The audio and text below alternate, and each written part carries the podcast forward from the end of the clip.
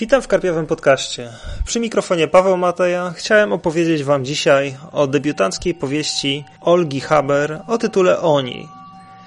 Żeby tak na szybko e, przybliżyć, z czym mamy tutaj do czynienia, właściwie wystarczy, że podam Wam nazwę wydawnictwa. Wydawnictwo Wideograf.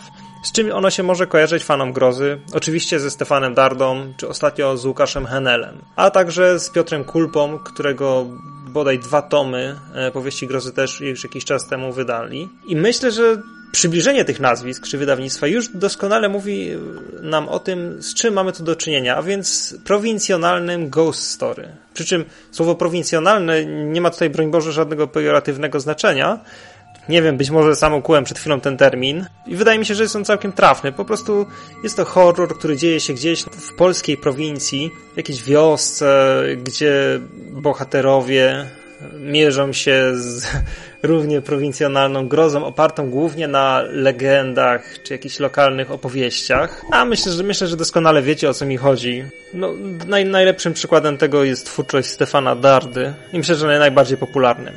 Olga Haber idzie właściwie w bardzo podobne ślady, choć czytając, czy zaczynając czytać e, powieść, zresztą muszę tutaj zrobić wtrącenie, bo tytuł Oni, przyznam, że jeśli, że już tak zacznę od krytyki, wydaje mi się niesamowicie nieporęczny, bo bardzo, bardzo trudno używa się go w tekście. Zresztą taki sam problem miałem z powieścią on, Łukasza Henela, że nijak nie wiem jak odmienić to, żeby dobrze, dobrze to brzmiało. W każdym razie, powieść Oni, i tutaj nieprzypadkowo e, wspominam o powieści On Łukasza Henela, dlatego że początki są bardzo podobne. Mamy tutaj do czynienia z bohaterem, e, tutaj konkretnie bohaterką, która ucieka z miasta na prowincję, osiedla się na wsi i rozpoczyna niejako nowe życie wśród nowych ludzi. I przy okazji zdarza się, zdarzają mi się oczywiście jakieś przerażające rzeczy.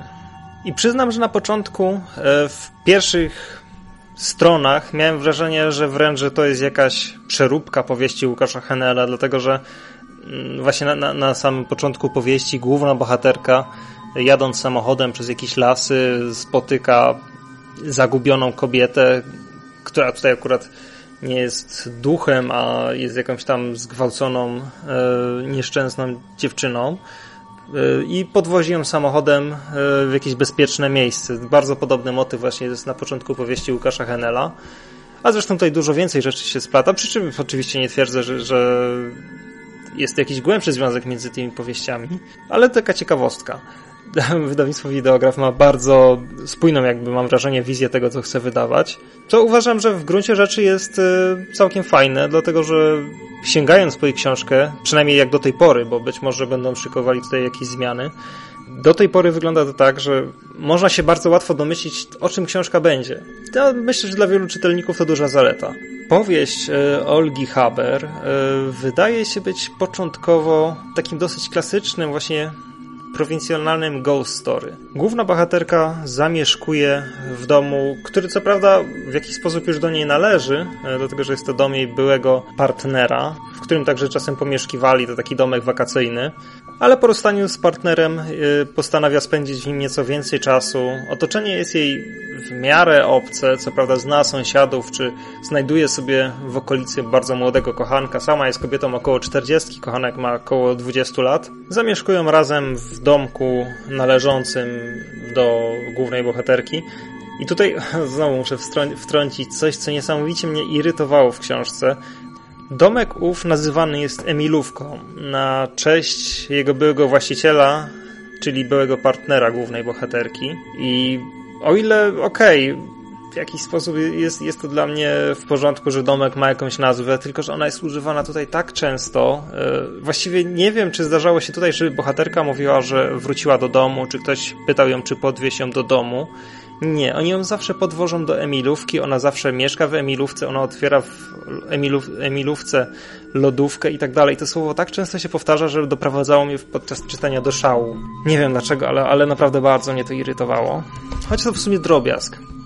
No ale dobrze. Redaktorka kobiecych pism Natalia razem ze swoim młodym kochankiem, który prowadzi razem ze, swoim, ze swoją rodziną w okolicy jakąś knajpkę. Mieszkają sobie razem, uprawiają sobie seks, prowadzą jakieś tam w miarę sielankowe życie. poprzetykane drobnymi kłótniami czy konfliktami rodzinnymi, ale w gruncie rzeczy taki straszny sielankowy banał w wiejskiej okolicy. Szkoda, że autorka nie wykorzystała do końca e, potencjału, jaki daje właśnie taki horror prowincjonalny, bo niestety ale takich jakichś dosadnych czy, czy poszerzonych opisów przyrody i grozy, którą przyroda może, może wywoływać, nie ma tu szczególnie dużo. Szkoda, bo co prawda nie jestem jakimś specjalnym fanem na przykład e, Stefana Dardy, ale jednak w jego twórczości jest tego o wiele więcej i wspominając e, na przykład Dom na Wyrębach, e, który no naprawdę nie jest książką, która mnie zachwyciła, ale są tam jakieś fragmenty, które pamiętam do tej pory, które utkwiły mi w pamięci właśnie głównie związane z przyrodą, którą e, Dardo opisuje. W książce Haber tego nie ma i prawdę mówiąc, ja czytałem książkę tydzień temu i już bardzo niewiele z niej pamiętam. Dlatego jest, mówienie o niej jest dla mnie trochę kłopotliwe, a napisanie jakiejś sensownej recenzji było wręcz chyba niemożliwe. W ogóle chyba łatwiej opowiada mi się tutaj o rzeczach, które mi w książce e, irytowały, niż te, które po prostu w niej są, czy które wzbudziły we mnie jakieś pozytywne uczucia. Trochę też ubolewam, że e, nie jest tutaj do końca właśnie wykorzystany ten potencjał e, horroru prowincjonalnego i wydaje mi się, że ta wieś, która jest opisywana w książce jest jakaś taka nieco sztuczna, taka, taka fasadowa, telewizyjna. Bohaterowie, którzy pochodzą tutaj ze wsi, ci drugoplanowi, wydają się tacy bardzo trywialni. Ich gwara właściwie nie jest gwarą, tylko to jest jakiś szyk przestawny. Język, którym posługują się drugoplanowi e, wiejscy bohaterowie książki, nie jest żadną konkretną gwarą, ani nawet szczególnie nie udaje. A przez to też nie rozwija tej estetyki horroru e, prowincjonalnego. Z drugiej strony nie można dialogom w powieści odmówić pewnej naturalności, już abstrahując od tego języka, e, ale wie, wiele takich krótkich dialogów jest tutaj całkiem błyskotliwych, z tym, że właśnie niestety krótkich. To wszystko jest takie Mm, bardzo powierzchowne. Zresztą to samo mógłbym powiedzieć o sylwetkach bohaterów. One są w gruncie rzeczy całkiem poprawne, są zbudowane w jakiś w miarę konsekwentny sposób, ale Niestety bardzo niewiele już z tego pamiętam, e, z jakichś charakterów, perypetii bohaterów. Tutaj właściwie nie wiem dlaczego przychodzi mi do głowy e, debiutancka powieść Ani Alborn o tytule Seed, która niestety w Polsce e, jeszcze się nie ukazała. Mam nadzieję, że, że kiedyś ktoś się nią zainteresuje. Dlaczego nie mówię? To jest powieść, którą napisała e, dziewczyna o polskich korzeniach, która chyba bodaj urodziła się w Polsce, przynajmniej ma polskich rodziców i napisała w języku angielskim kapitalny horror, również taki horror prowincjonalny, ale tam od pierwszych stron nie dość, że panuje atmosfera takiej prawdziwej grozy, no może nie bezpośrednio od pierwszych stron, ale bardzo szybko to wprowadza w bardzo mocny, intensywny i trafiający do czytelnika sposób, ale też tworzy takie sylwetki bohaterów, że ja właściwie pamiętam je do tej pory. Przede wszystkim były tam obłędnie fajne dzieciaki, które po prostu się yy, można się było zachwycać naturalnością, z jaką są one opisane. Także główny bohater czy jego żona to były, to były naprawdę bardzo mocno, konsekwentnie i ciekawie zbudowane postacie, do których ma się ochotę wracać. W przypadku niestety powieści Oni czegoś takiego nie ma. Y, główna bohaterka jest jak wycięta z kobiecych magazynów, z kart, czy to o rozwoju osobistym i realizacji zawodowej, czy też y, z kącika porad łóżkowych. Przy czym, bo tak roznarzekałem się, e, ale powieść czyta się całkiem dobrze. Mam oczywiście mnóstwo zastrzeżeń, to naprawdę mógłbym wyliczać i wyliczać, bo e, czuć, że jest to powieść debiutancka. Co prawda jest napisana w miarę sprawnie, ale sporo rzeczy można by poprawić. Ale przeczytałem powieść bez jakiegoś szczególnego zmęczenia, bez e, cierpień. Od można by powiedzieć przyzwoity horror. Niestety dla mnie wszystko zrujnowała końcówka książki. No tak jak mówiłem na początku, w gruncie rzeczy powieść wpisuje się w, w konwencję ghost story, opowieści o duchach. A to przepraszam, w ogóle będą spoilery i to takie dosyć mocne z finału, ale muszę o tym opowiedzieć, bo moim zdaniem ten finał po prostu no, zniszczył mi książkę. Otóż e, przez całą powieść są jakieś takie sugestie, że to, co można by odebrać jako element nadnaturalny, jako jakieś demony, że być może są to tak naprawdę kosmici. I w finale rzeczywiście okazuje się, że są to kosmici. I to już dosłownie niestety wyłożę to, jak, e, jakie jest rozwiązanie całej powieści. Otóż okazuje się, że prześladowania głównej bohaterki i wszystkie cierpienia, jakie tam są efektem różnych manipulacji kosmitów, tam chodzi konkretnie o morderstwa, czy jakieś takie podobne rzeczy, dzieją się dlatego, że bodaj 200 lat wcześniej, w okolicy, w której dzieje się książka, zapanowała epidemia, jeśli dobrze pamiętam, dżumy czy cholery. I kosmici, dobrzy kosmici chcieli ludziom pomóc, wysłali statek z jakąś ekspedycją ratunkową. Statek rozbił się przez jakiś przypadek, a źli wieśniacy zadźgali e, jakieś tam resztkę kosmitów widłami. I otóż owi kosmici o rozwiniętej technologii i jakichś wielkich możliwościach medycznych uznali, że przez kolejne 200 lat co najmniej będą się mścić na ludziach, którzy mieszkają w tej okolicy i tylko w tej okolicy.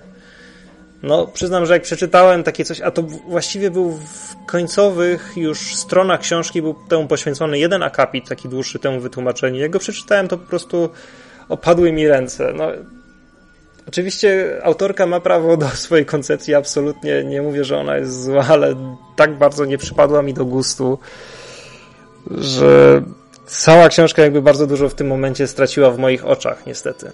No i niestety zostało mi takie nie najlepsze wrażenie.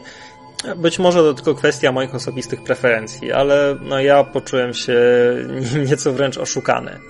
Tak jeszcze przychodzi mi do głowy, co mogę na plus powiedzieć o powieści, to przede wszystkim bardzo podoba mi się okładka i w dużej mierze to ona mnie e, zachęciła do lektury. To jest taka też w gruncie rzeczy dosyć trywialna, to jest jakiś cmentarz, jakiś nietoperze, jakiś pająk w takiej konwencji nieco bartonowskiej. Jest takie bardzo proste, bardzo w jakiś sposób dosadne, czy może troszkę zahaczające o kicz, ale śliczny. I to, to też mówię o jakimś kiczu, to się może wydaje, że o coś złego mi chodzi, ale nie, no okładka bardzo mi się podoba.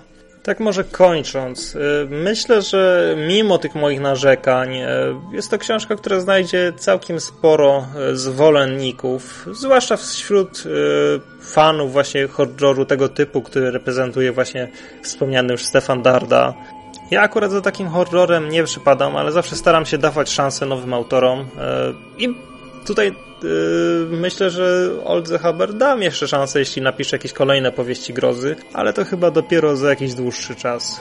Zdaję sobie sprawę, że ten odcinek podcastu mógł wypaść mi bardzo chaotycznie, e, ale niestety naprawdę trudno mi pozbierać jakieś sensowne myśli, które bym mógł przekazać wam w miarę składnej formie, jeśli chodzi o tę powieść jest dla mnie jakaś taka wyjątkowo trudna do opisania, zwłaszcza, że du dużo tutaj jest słów krytyki, a ja nie przepadam znowu z jakimś przesadnym krytykowaniem. Także dziękuję Wam za wysłuchanie tego podcastu i do usłyszenia następnym razem.